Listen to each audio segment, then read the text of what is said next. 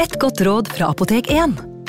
Nå er snart pollensesongen i gang, og et godt råd til deg som sliter med pollenallergi, er å begynne behandlingen i god tid før allergisesongen starter. Da får du nemlig enda bedre effekt av legemidlene, og så blir ikke våren din helt ødelagt. Kom innom og få råd på ditt nærmeste Apotek 1, eller chat med oss på apotek1.no. Apotek 1 vår kunnskap, din trygghet.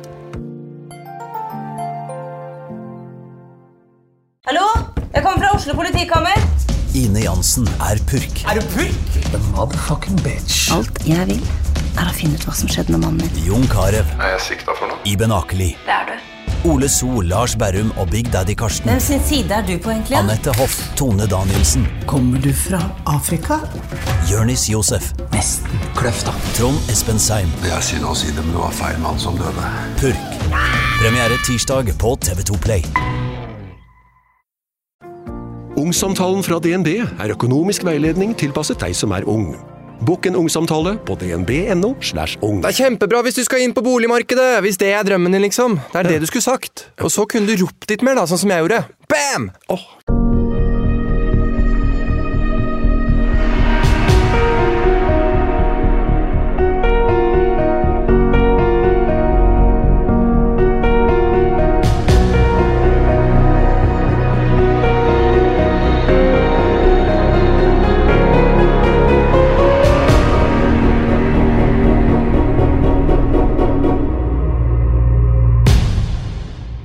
Pernille. Hei, Jim.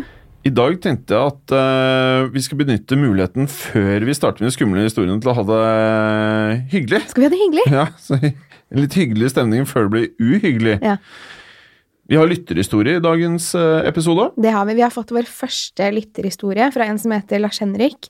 Jeg har jo lest gjennom historien før, og den er, eh, den er interessant. Ja, Skummel òg, eller? Ja, den er skummel. Ja, Bra. Bra, Lars Henrik. Og Lars Henrik han heter, ja.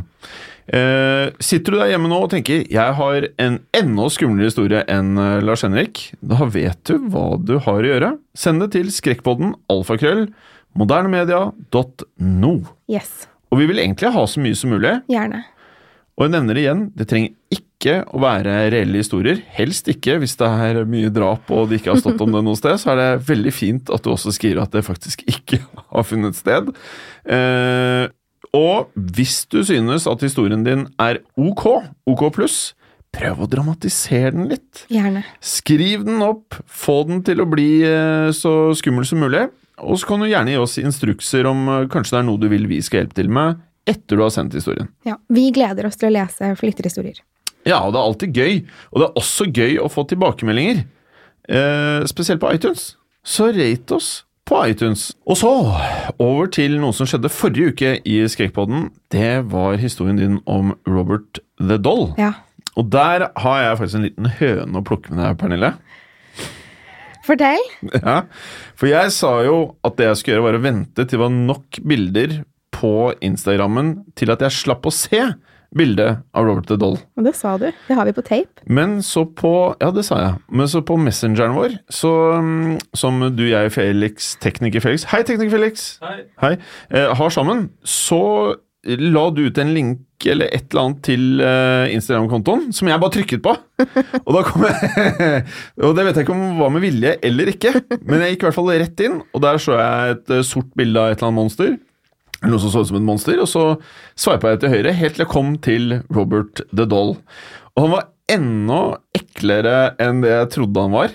Og så er spørsmålet Gjorde du det med vilje, eller gjorde du det ikke med vilje? Jeg gjorde det faktisk ikke med vilje, og jeg føler at jeg ikke har så mye skyld her, for jeg la jo på en advarsel før bildet til Robert the Doll kom, så den her er på deg, Jim Fasheim. Men du vet, på Insta jeg bare sveiper left, right and center, så skjer det som skjer. Men jeg endte i hvert fall med å beklage til eh, Robert, i likhet med 420 andre. Ja, det er helt fantastisk. Ja, det er eh, Da har du noia. Hadde du såpass noia, Felix, at du ba om unnskyldning, eller?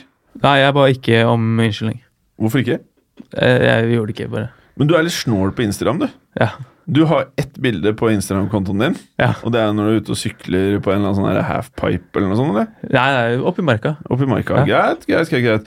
Jeg ba om unnskyldning, og Jeg ba også om unnskyldning, faktisk. Ja, du gjorde det? Ja. Innpå Skrekkpodden sin Insta? Jeg måtte det. Mhm. Fordi jeg hadde fortalt om historien, så jeg følte at jeg, jeg var i hvert fall den som skulle unnskylde meg først. Ja, Men så er det en ting til. Eksisterer ikke en video?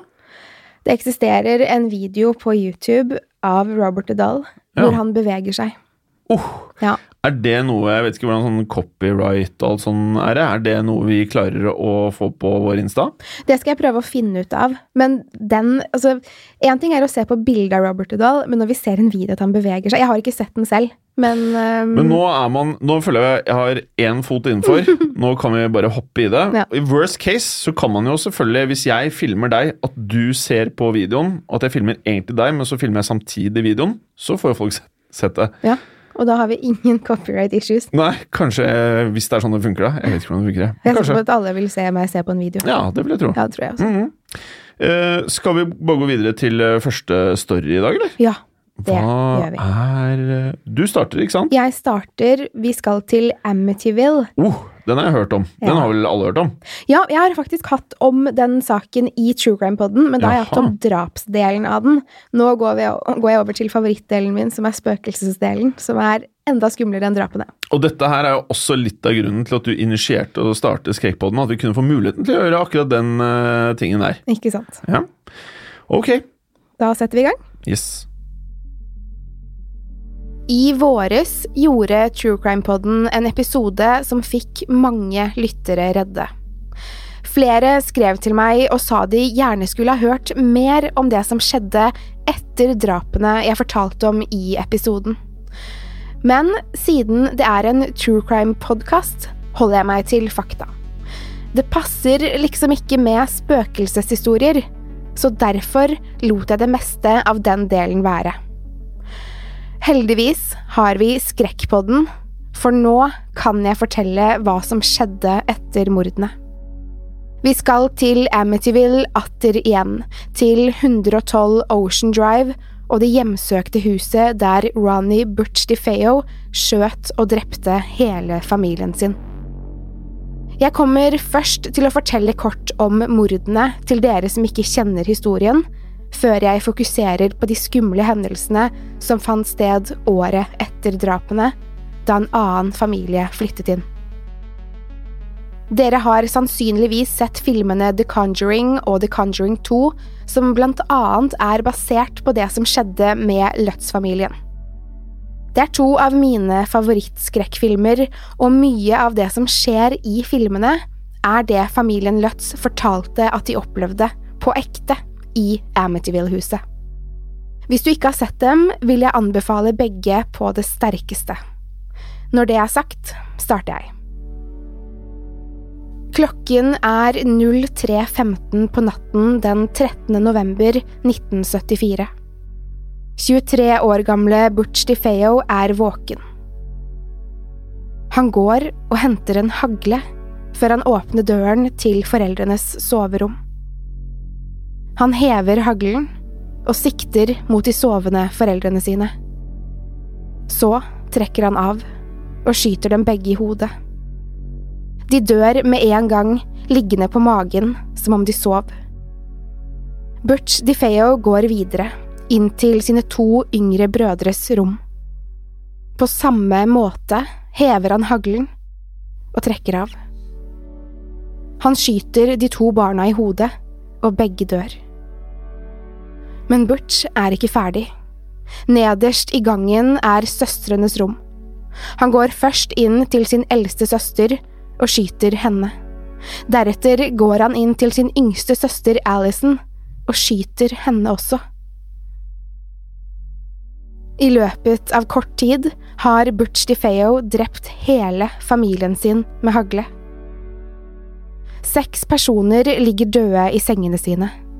Alle, bortsett fra foreldrene, er drept med ett skudd mot hodet. Foreldrene ble skutt to ganger hver. Hele familien lå på magen med hendene over hodet da de døde. Det ser ikke ut til at noen av dem våknet av at de andre ble skutt, og det ser ikke ut til at noen av dem prøvde å forsvare seg eller rømme.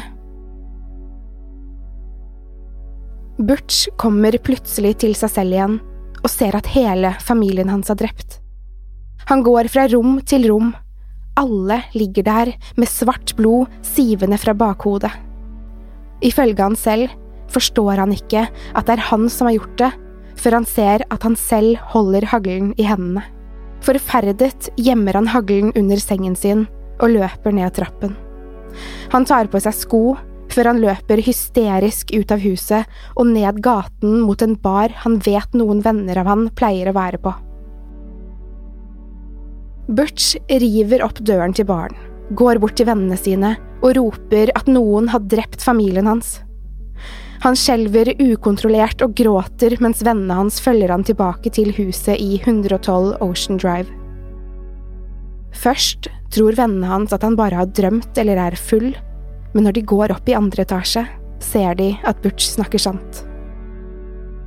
En av kameratene ringer politiet med en gang, og de rykker ut med flere patruljer i tillegg til ambulanser. Familien DiFeo blir erklært døde på stedet, og mens naboer våkner av alt oppstyret ute på gaten, kan de se politiet fjerne likene av både barna og de voksne.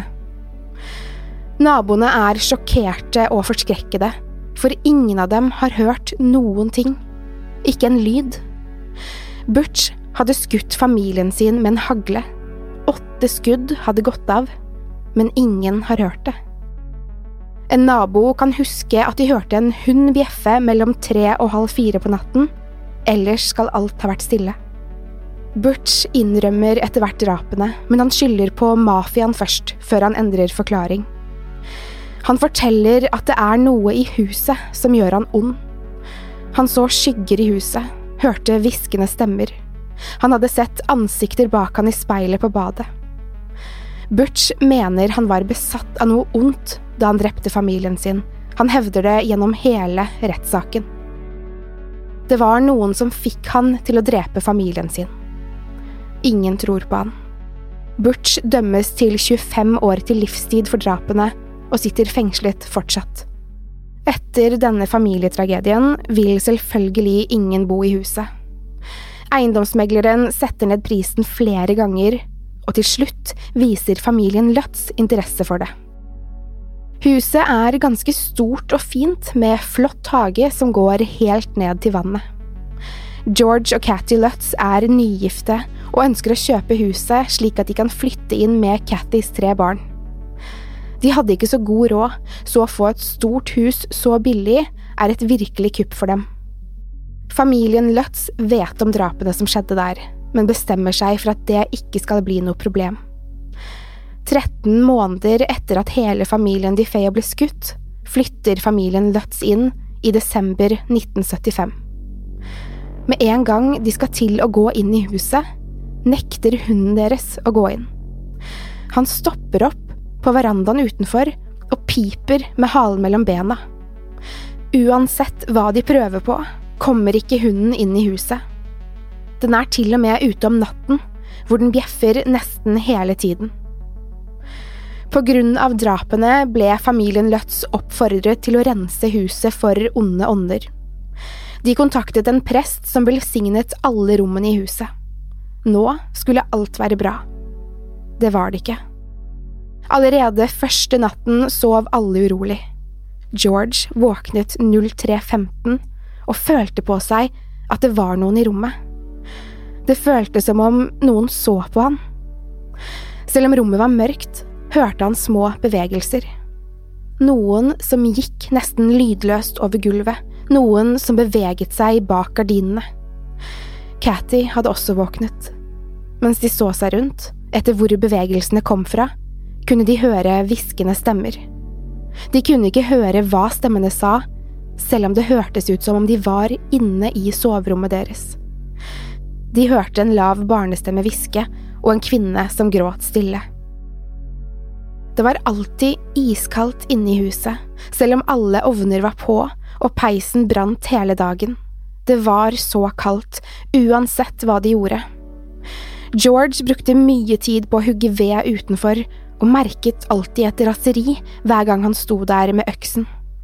George og Cathy begynte å krangle mer. Det hadde de aldri gjort før.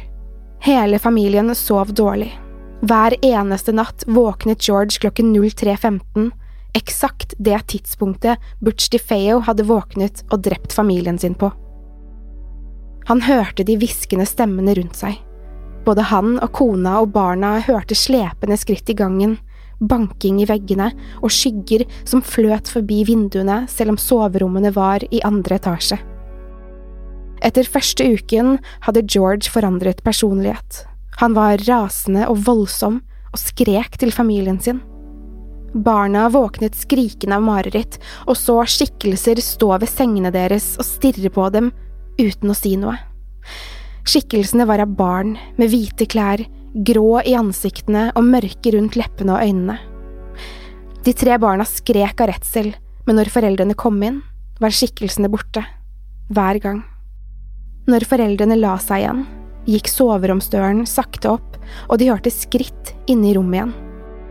De våknet av at sengene deres ristet, og av at noen holdt dem nede mot madrassen så de ikke kunne røre seg. Ingen i familien Lutz fikk sove. Cathy følte en kvinne nær henne hele tiden. Hun kjente pusten hennes i nakken, og noen ganger kjentes det ut som om kvinnen omfavnet henne eller strøk henne i håret. Hvis kvinnen var i nærheten av henne, følte Cathy seg trist, en overbærende, mørk tristhet som satt i henne resten av dagen.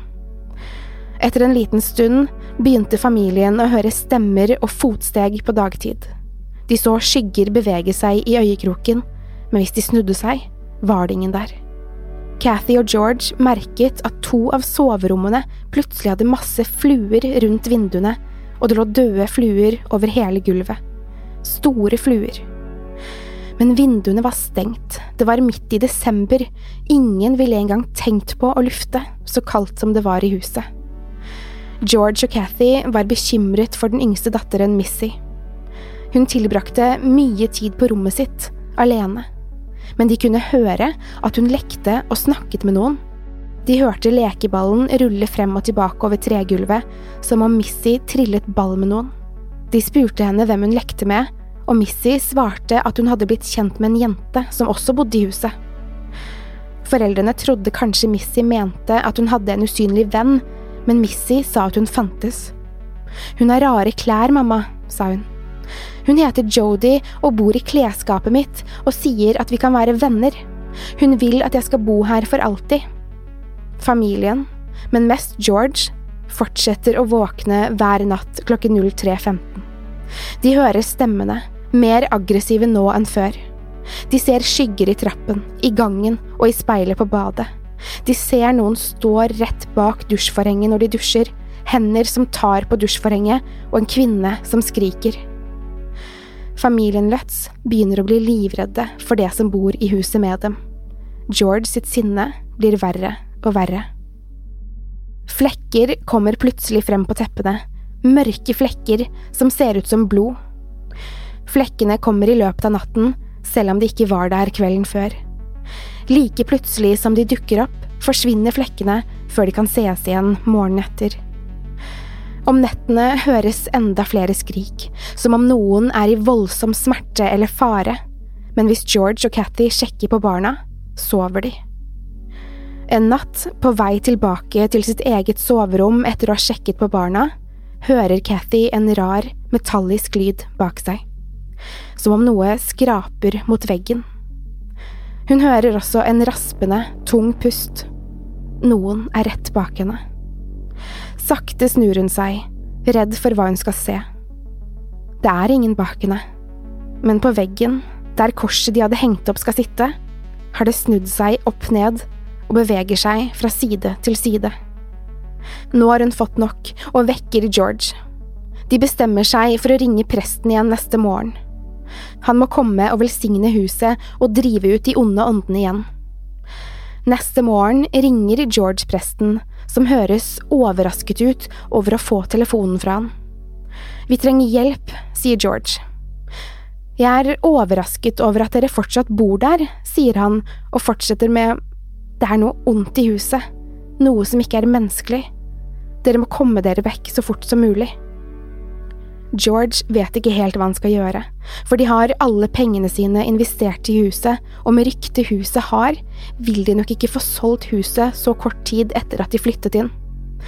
Han og Cathy bestemmer seg for å prøve å bo i huset litt til, og flytter hele familien ned i stuen så alle kan sove sammen. Det går ikke å sove i andre etasje lenger. Dagen etter de har bestemt seg for å bli, skal en hendelse få dem til å tenke annerledes. Mens familien er ute og jobber i hagen, hører Cathy at datteren Missy roper på henne. Cathy snur seg og ser at den lille datteren står i vinduskarmen i andre etasje. Jeg skal hoppe, mamma, roper hun. Cathy blir skrekkslagen og løper så fort hun kan inn i huset, mens George stiller seg under vinduet for å prøve å ta imot Missy om hun hopper. Med hjertet i halsen går Cathy rolig og forsiktig frem til datteren, selv om det stormer inni henne. Missy, kom ned fra vinduskarmen, sier hun rolig. Missy svarer at Jodi sa at hvis hun hoppet, kunne de to være venner for alltid. Hjertet synker i Cathy mens hun nærmer seg datteren. Du kan være hos oss litt til, sier hun og klarer å få tak i lille Missy før hun hopper. De kommer ned til hagen igjen. Missy gråter og holder rundt mammaen sin. Missys storebror ser på Cathy med et alvorlig blikk og spør hvem jenta bak dem i vinduet var. Cathy hadde ikke sett noen andre der inne enn henne selv og datteren Missy. George og Cathy bestemmer seg for å finne et nytt sted å bo. Samme natt, den 14. januar 1976, skjer det noe i huset. Plutselig rømmer familien Lutz. De pakker ikke, de tar ikke med seg noen ting annet enn nattklærne de hadde på seg. De lar alt være og flykter. Ingen i familien Lutz vil snakke om det som skjedde siste natten i huset, de klarer ikke fortelle det. Familien Lutz dro aldri tilbake dit igjen. Historien fikk etter hvert mye spalteplass i media, og George og Cathy stiller opp i flere TV-intervjuer og forteller hva som skjedde dem i 112 Ocean Drive. Noen tror dem, andre ikke. Et TV-team ønsker å gjøre et nyhetsinnslag om huset, og ringer Ed og Lorraine Warren, to av USAs mest kjente paranormale etterforskere, som også er gift. De har med én kameramann, en fotograf og to journalister. Lorraine sier med en gang hun går inn, at huset er det ondeste hun noen gang har vært i. Hun kjenner en voldsom ondskap der, som ikke er menneskelig. Det er ikke bare familien de Fea som går igjen der, men noe urgammelt som ikke kommer fra vår verden. Den ene kameramannen får plutselige brystsmerter mens han står i andre etasje. Ed og journalisten merker at alle oppfører seg annerledes enn da de kom, som om de blir påvirket av ondskapen i huset. Lorraine får skumle syner og skriker høyt flere ganger når hun ser hvordan mordene utspilte seg. Hun sier at det var flere onde ånder i huset den natten de Fayone døde. Fotografen tar bilder rundt i hele det store huset. Han merker ingenting før han fremkaller dem noen dager senere. Han mister nesten pusten når han ser det. På et av bildene, i andre etasje, i døråpningen til et av barnas soverom, titter en liten gutt frem fra mørket. Gutten er veldig lik den yngste av de Feo-barna. Men det var ingen barn i huset den kvelden. Går det bra, Jim? Ja. Ja. Felix, syns du dette var skummelt? Ja. Ja. Du er en liten sånn reddhare, eller er du ikke redd? Nei, egentlig ikke. Jeg er ikke Nei. så overtrøstig sånn, men det her var skummelt. Bra. Uh, jeg syns jo, når jeg hørte det på True Crime Poden, at det var sykt skummelt. Mm. Men når jeg hører det her, syns jeg kanskje det er enda skumlere av den grunn at uh, alt det overnaturlige skremmer meg mer enn faktiske uh, hendelser som mennesker gjør. Og det der, hvis det er mennesker som er involvert i det overnaturlige, syns jeg det er det skumleste av alt. Ja, det skremmer meg også. Jeg prøver å sette meg inn i situasjonen til de som opplever det jeg forteller om. Og det å våkne midt på natten av at du hører hviskende stemmer og skritt og skriking, og du føler deg sint, det må være så forferdelig. Jeg tror selvfølgelig det er forferdelig å oppleve drap også, men dette her er liksom på et helt annet nivå. Mm. Så det er, um, det er Det må ha vært veldig ekkelt. Og med det, vi har jo faktisk da tre stories vi skal gjennom i dag, så vi må liksom bare videre. Ehm, og da er det jo jeg som skal Jeg har diska opp noe, uh, med god hjelp av deg, Pernille. Og dette her er historien om raken, Ja. som kalles på engelsk The Rake. Har du hørt om The Rake, Felix? Aldri. Du har ikke det, nei? Nei? Her kommer den. Vi har vært så heldige her i Skrekkpodden at vi har fått en eh, god del e-poster, som sagt, til eh, Og send gjerne mer til neste uke. Skrekkpodden, alfakrøll, modernemedia.no. eh, Hvor vi har fått lytterhistorier, tips til fenomener. Og det er mye som går igjen rundt dette temaet med urban legends. En urban legend mange ønsker seg, er The Rake. På norsk heter han Raken. Og så er det da spørsmålet bør man engste seg for eh, raken. Det får du bestemme selv, men hvis du tror raken eksisterer, gjør du lurt i å sjekke en ekstra gang når du ligger i sengen og du ser et eller annet eller noen ved sengekanten din. For hvis du tror det er moren din eller faren din, eller kanskje du tenker at det er kjæresten din, så sjekk en ekstra gang i mørket, for det kan være raken. For det er ved sengekanten du finner han. Han er alltid stille, og venter alltid til du er våken. Raken er aldri brå, og når du tenker at det er en vennlig skikkelse ved sengekanten din, det er da grøsset går gjennom kroppen din. Det er da det sakte kommer til å gå opp for deg at dette ikke er en vennlig skikkelse, men heller en skikkelse med onde hensikter. En som lever av å gjøre andre vondt. Det er raken. Raken er et fenomen som ifølge historien har skremt folk i flere hundre år. Og på nettsiden creepypasta.org finnes det flere historier fra mennesker som dessverre har møtt raken.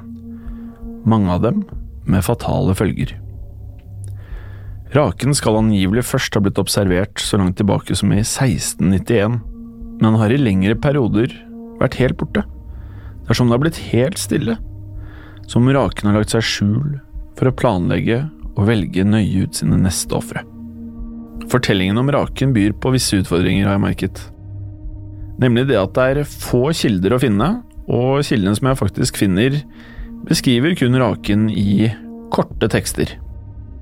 Det jeg derfor valgte å gjøre, var å oversette en del av disse tekstene. Og tekstene er stort sett beskrivelser folk har fra møtene deres med raken. Sommeren 2003. Det er året det hele starter. Historien om en skummel og menneskelignende skapning dukker opp forskjellige steder i USA.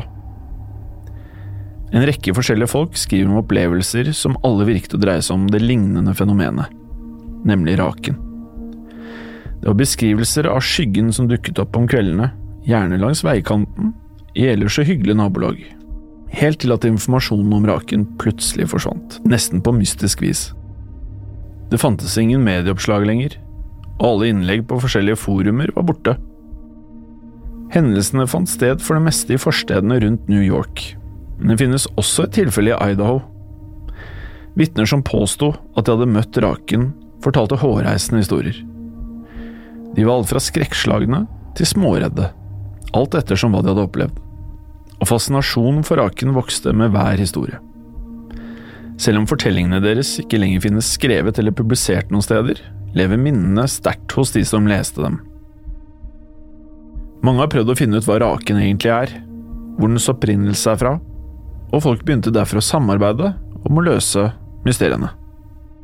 Tidlig i 2006 hadde de som samarbeidet om å etterforske raken, innhentet nesten to dusin dokumenter.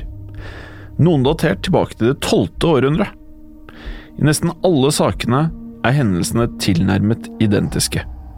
Jeg har selv vært i kontakt med ett av medlemmene i denne samarbeidsgruppen, og klarte å få noen utdrag fra historiene de er i besittelse av. De fortalte meg at noen av historiene snart skal publiseres i en bok, og her er noen av historiene jeg fikk. Dette er fra en sjømannslogg fra 1691. Han kom til meg i søvne.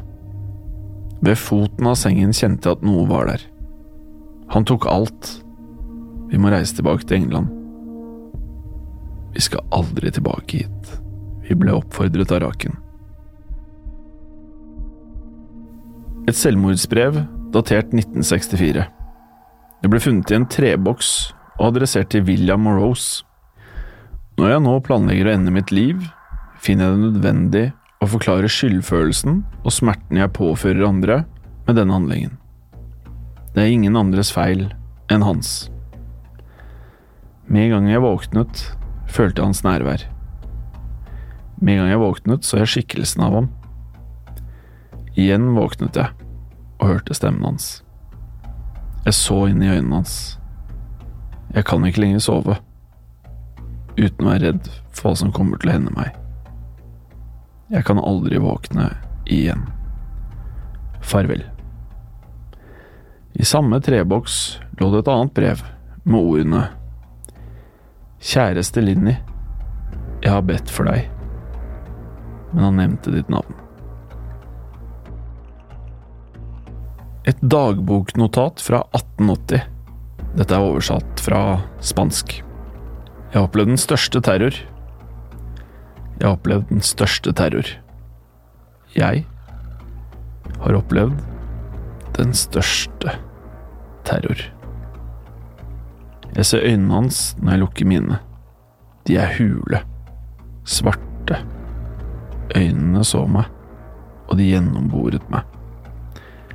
Hans våte hånd. Jeg kan ikke sove. Stemmen hans. Og her kommer den lengste skildringen som er å oppdrive. Dette er fra et vitne ifra 2006. Jeg husker dagen godt. Det var 4. juli, for tre år siden. Vi var på vei hjem fra familieferie fra Niagara Falls, og vi hadde feiret nasjonaldagen der. Dette var ekstra stort for oss ettersom vi lenge hadde drømt om å dra til Niagara Falls. Vi tenkte det ville være gøy for barna. Vi kjørte en eldre utgave av Chevrolet Tahoe. Den var sølvgrå med lyse skinnseter. En farge vi syntes var upraktisk, spesielt etter vi fikk barn. For alt var synlig mot den lyse fargen. Iskrem, grøt, smeltet sjokolade. Fargekombinasjonen var noe min far hadde valgt ut, men vi fikk en god pris av pappa når han skulle skifte ut til nyere modell. Vi hadde kjørt langt denne dagen, og det stoppet færre ganger enn vi hadde planlagt. Mannen min ønsket at vi kom oss raskest mulig hjem. Dessuten var det hyggelig i bilen. Vi hadde akkurat fått oss skjerm bak i bilen, til barna. Husker godt hva de så på. Det var Harry Potter. For likte den godt selv også. For oss foran i bilen var det som å høre på en lydbok. Vi bor i et toetasjes hus, et gammelt trehus. Vi pleide å si at det hadde sjarm, men barna syntes alltid det var skummelt, for det knirket i gulvene, gjerne også når man ikke gikk på det. Det kunne være litt ekkelt, også for meg og mannen min, men det var aldri noe vi innrømmet for barna. Denne dagen gikk vi rett inn på kjøkkenet og tinte oss noen frosne pizzabiter, før vi la barna til sengs. Vi var slitne etter den lange dagen med kjøring, så vi la barna så fort som mulig før vi også gikk til sengs selv. Rundt klokken fire om natten våknet jeg. Først trodde jeg det var vegguret som slo, men jeg så raskt at klokken viste ni minutter over fire, så det kunne jo ikke vært klokken. Så tenkte jeg det kanskje var mannen min som hadde gått på toalettet, eller jeg var sikker på at det var mannen min, for jeg kunne høre han styre og stelle der inne. Jeg så derfor mitt snitt til å dra tilbake en del av dynen. Han dro den jo alltid vekk fra meg. Med et krafttak dro jeg dynen, hvorpå jeg kjente noe uventet under dynen, etterfulgt av et ynk. Det var benet til mannen min jeg dro i. Noe han våknet av. Som en sokk fylt med isbiter kunne jeg kjenne frysninger bre seg oppover kroppen min fra bena mine. Var det en drøm? Hadde jeg ikke hørt han på toalettet likevel? Jeg var sikker på at jeg hadde hørt han der. Jeg beklaget at jeg vekket han. Han snudde seg mot meg ganske fort, så raskt at kneet hans dunket kraftig borti mine. Så et hogg i armen, jeg ble dratt helt uventet mot han. Jeg kunne kjenne at det var hendene hans mot underarmen min, som holdt hardt i meg. Nå kunne jeg følge han rett ved min side, men han var helt stille. Han sa ikke et ord, og jeg ble redd. Etter at øynene mine hadde vendt seg til mørket, kunne jeg se hva som fikk han til å reagere. For ved foten av sengen, med ryggen til, satt et vesen som sendte et nytt rykk av frysninger gjennom kroppen. For der satt en naken mann. Han kunne også minne om en hårløs ulv eller en annen hårløs skapning. Måten han satt på, kroppen hans, så helt forvridd ut. Det føltes først og fremst unaturlig, men også ekkelt og forstyrrende. Jeg fikk mer frysninger. Han så ut som han hadde blitt påkjørt av en trailer. Med en funksjonell kropp. Redselen min gikk nå over til bekymring. Bekymring for om det gikk bra med han. Hva hadde skjedd han? På dette tidspunktet tenkte jeg kanskje at vi burde hjelpe han. Mannen min reagerte annerledes. Han byttet på å stirre på meg og på vesenet, som om han hadde sett et spøkelse, en zombie, en vampyr, og la seg i fosterstilling før han så bort på skikkelsen igjen. For der satt den fortsatt ved fotenden av sengen.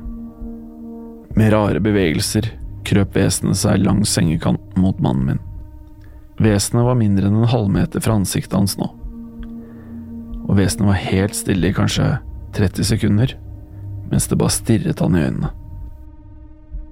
Sakte tok vesenet det som så ut som hånden sin, og la det forsiktig på kneet hans, før det fort kravlet ut i gangen og mot barnas rom. Jeg skrek og strakk meg etter lysbryteren og skulle løpe etter vesenet så det ikke skulle kunne skade barna mine. Da jeg kom ut i gangen, var lyset fra soverommet nok til at jeg kunne skimte vesenet noen meter foran meg. Det var bøyd over noe. Det snudde seg og så meg rett inn i øynene, og ansiktet var dekket av blod. Jeg slo på lyset i gangen og så at det var datteren min, det var Klara, som lå foran han. Vesenet løp ned trappen mens jeg og mannen min skyndet oss for å hjelpe Klara. Hun var stygt skadet. Hun blødde fra flere sår over hele den lille kroppen hennes. Det siste hun sa før hun mistet bevisstheten, var han er raken. Mannen min løftet henne opp og løp ut i bilen for å ta henne med til sykehuset. Jeg satt hjemme og ventet, og timene gikk.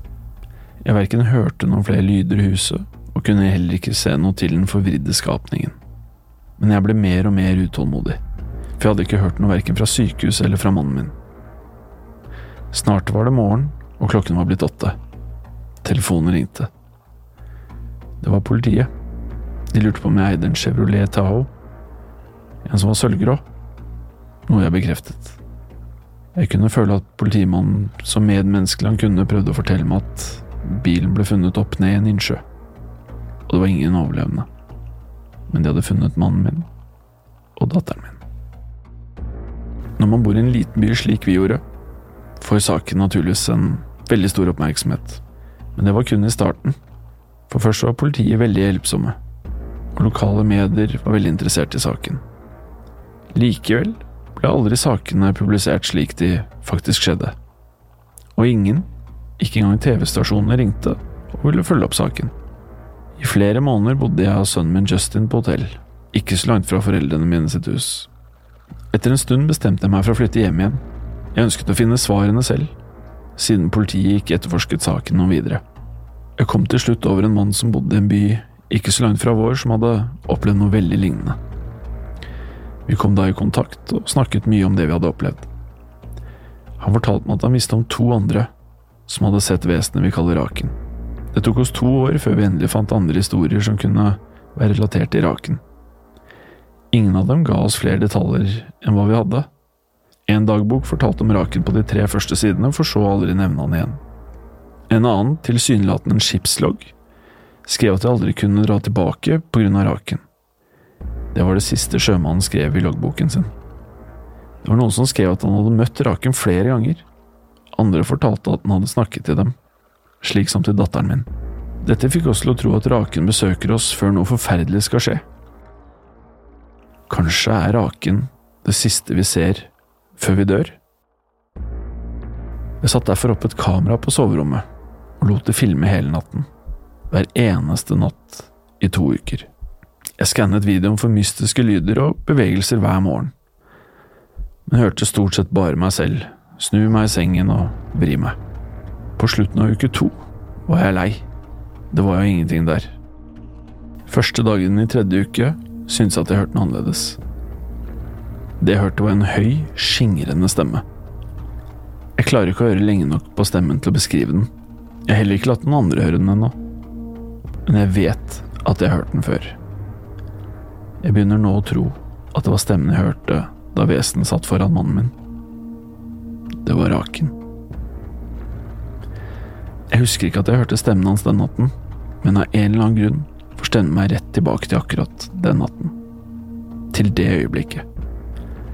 Tankene som har gått gjennom min datters hode da hun møtte Raken, gjør meg utrolig trist og veldig redd. Jeg har ikke sett Raken siden den ødela livet mitt, men jeg vet at den har vært inne i rommet mitt mens jeg har sovet. Jeg både vet og frykter at jeg skal våkne en natt av at den stirrer på meg.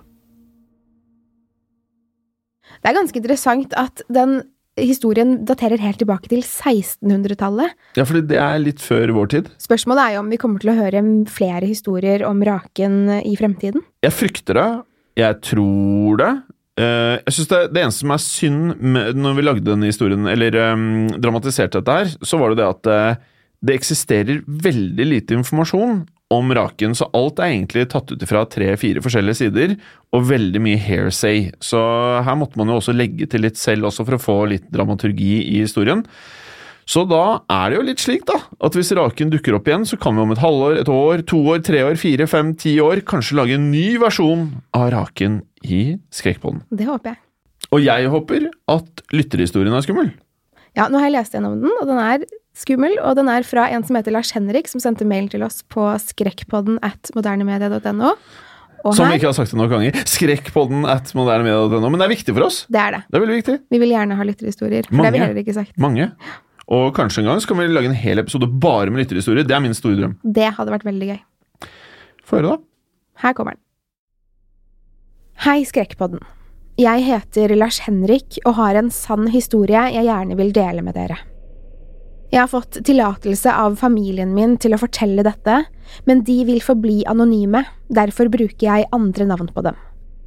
De involverte i denne historien er min mor og hennes to søstre, altså mine tanter, og min bestefar og bestemor, deres foreldre. Her er en oversikt over de involverte i historien. Hanne, syv år. Siv, åtte år. Vera, tolv år. Berit, 37 år. Odd Einar, 36 år. Sommeren 1976. Familien min er fra Østlandet. Berit er opprinnelig fra Tromsø i Nord-Norge, og hun og familien dro hver sommer til barndomshjemmet hennes på ferie. De var der i ukevis av gangen, og idyllen var til å ta og føle på. Berit var oppvokst på en gård langs kysten, en 20 minutters kjøretur fra Tromsø sentrum. Denne sommeren skulle sette spor hos denne familien. Det gikk mot slutten av sommerferien i Nord-Norge. Den siste kvelden i idyllen var starten på et mareritt. Det startet med en hendelse i sommerhuset i Tromsø. Alle hadde lagt seg til å sove i husets andre etasje. Roen hadde senket seg, og hele huset var blikkstille. Siv fikk ikke sove den kvelden. Siv og Hanne delte soverom denne natten. Hanne hadde sovnet, mens Siv lå våken og hvilte blikket mot et speil som speilet mot døren til soverommet. Det var stille. Blikk stille. Etter en stund hører Siv en svak lyd i første etasje.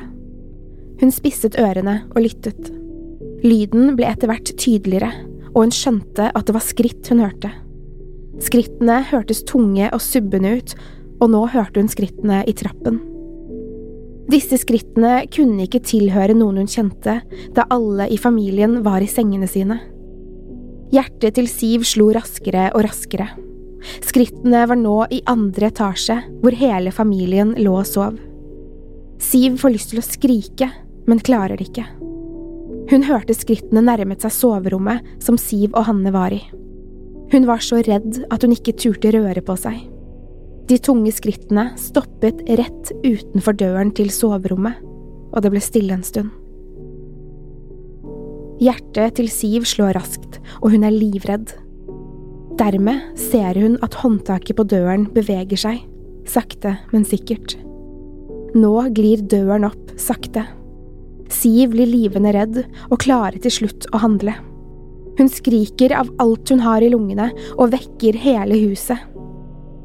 Hanne, som lå i sengen ved siden av, våkner brått og ser at døren står på gløtt. Faren deres, Odd Einar, våkner og løper inn til Siv og Hanne og forsøker å få oversikt over hva som hadde skjedd. Siv var helt ute av seg og klarte ikke å sove mer den natten.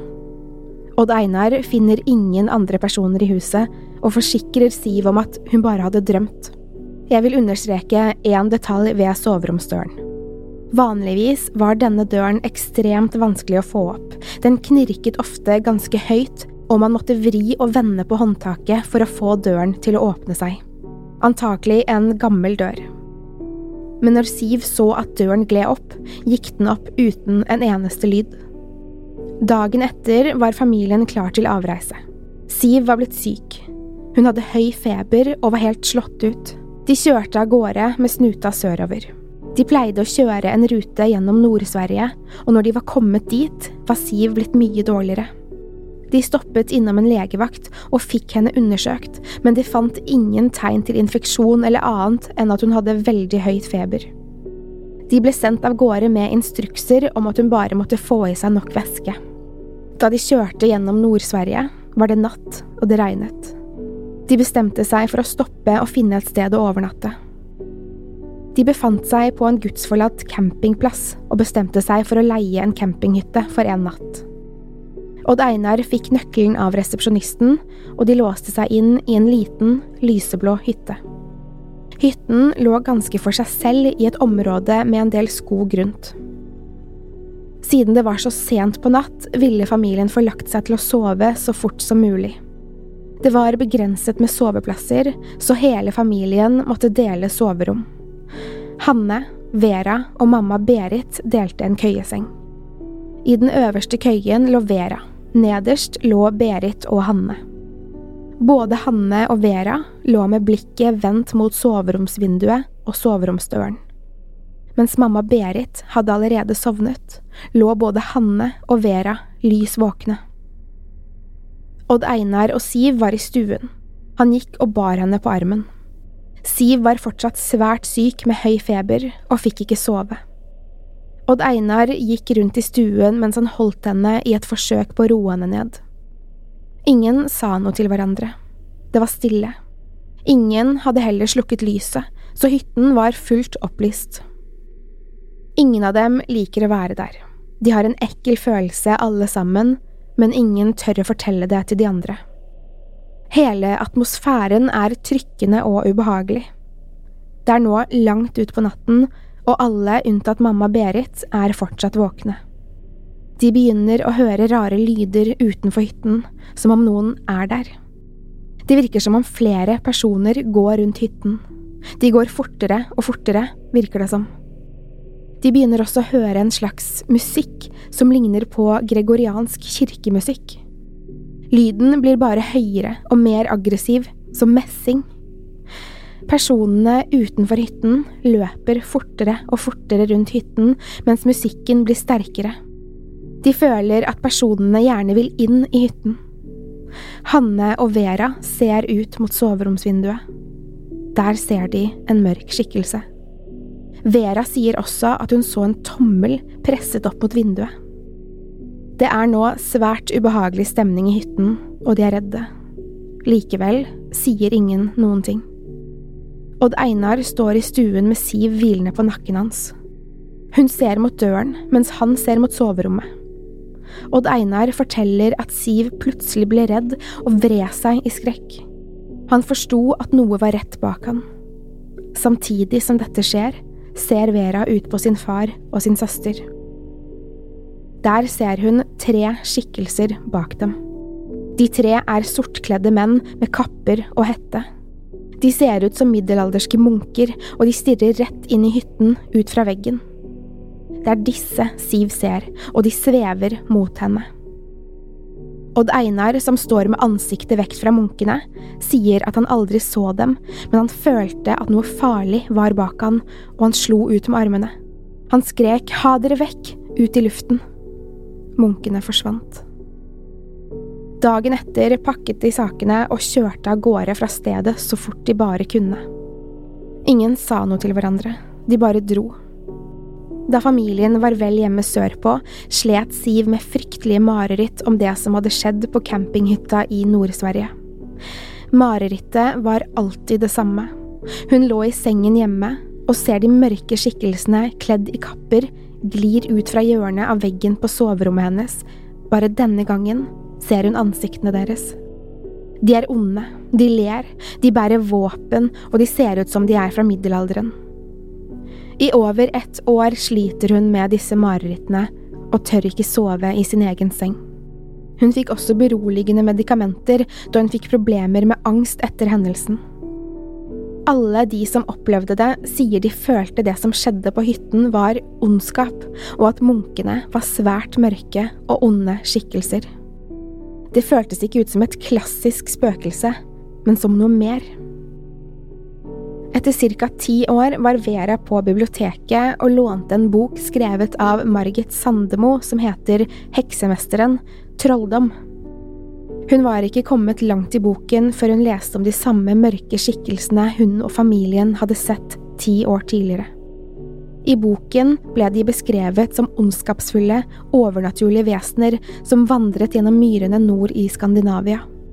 Hun ble så redd og satt ut at hun bare lukket boken og åpnet den aldri igjen. Siv, Hanne og Vera satte seg sammen en kveld på 90-tallet og forfattet et brev om det de hadde opplevd. Brevet sendte de til selveste Margit Sandemo, men fikk dessverre ingen svar. Den dag i dag liker de ikke å snakke om det som skjedde den kvelden i Nord-Sverige på den gudsforlatte campingplassen. Særlig Siv, som følte at hun ble mest påvirket av det som skjedde. Nå har vi sittet og snakket om hva det kunne vært, så vi blir ikke kloke på det.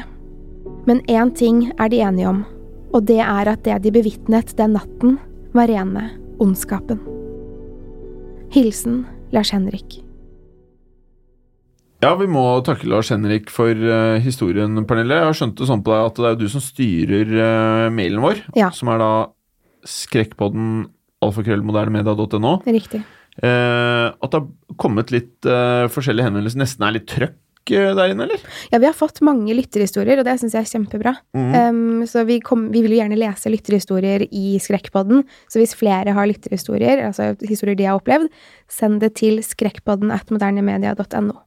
Og bare for å minne om det, da, så trenger jo ikke alle storyene å faktisk å ha funnet sted. Absolutt. Eh, og det er jo det som er friheten her i Skrekkpodden, kontra den andre podkasten, True Crime-podden, hvor ting eh, helst bør ha et eller annet fundament i virkeligheten. Mm.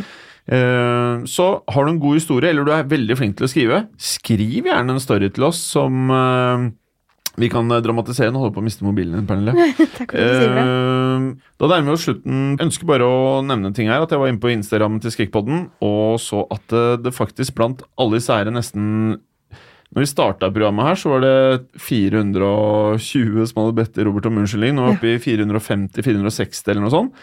Og da dukka det opp en som absolutt ikke vil be om unnskyldning, og som poengterer det. Eh, Jeg ønsker deg lykke til. Ja, lykke til. Ja. Rate oss veldig gjerne på iTunes. Ja. Det er eh, viktig for oss, og det er hyggelig å høre tilbakemeldinger. Og når dere sender oss mails med tilbakemeldinger også, vær gjerne konstruktive. Fortell oss hva dere ønsker mer av, mindre av, og vit at vi gjør vårt eh, beste. Og vi er bare på episode to. Ja, Og så vær litt stille med oss, da. Ja, og vi blir bedre hver eneste uke, tror vi. Vi tror det. Ja. Rate oss gjerne på iTunes. Og med det, Pernille, takk for i dag. Takk for i dag. Hold det Skummelt. Hold det veldig skummelt. Ha det godt. Ha det.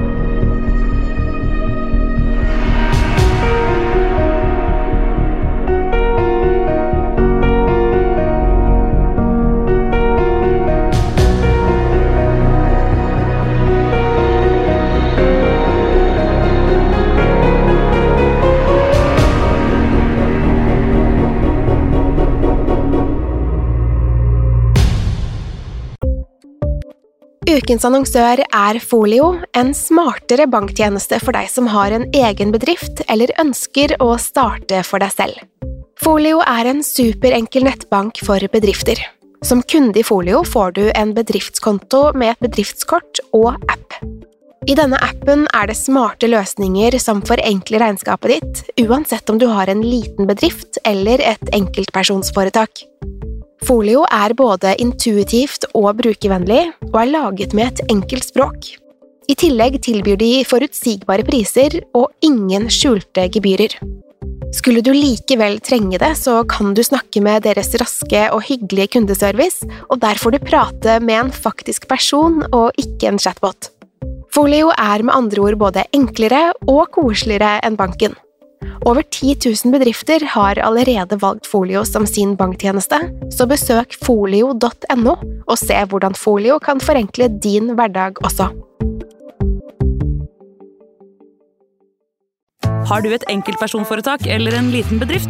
Da er du sikkert lei av å høre meg snakke om hvor enkelt det er med kvitteringer og bilag i fiken, så vi eh, gir oss her, vi. Fordi vi liker enkelt. Fiken superenkelt regnskap. Kiwi er billigst i VGs matbørs og har vært billigst i fire av de fem siste VGs matbørser. Og nå presser vi prisene på frukt og grønnsaker. På 200 gram broccolini setter vi prisen til 24,90. På 400 gram Cevita blåbær setter vi prisen til 49,90. Og husk, alle Kiwi Pluss-kunder får i tillegg 15% trumfbonus på all fersk frukt og grønt. For det er vi som er prispresserne. Og vi i Kiwi gir oss aldri på pris.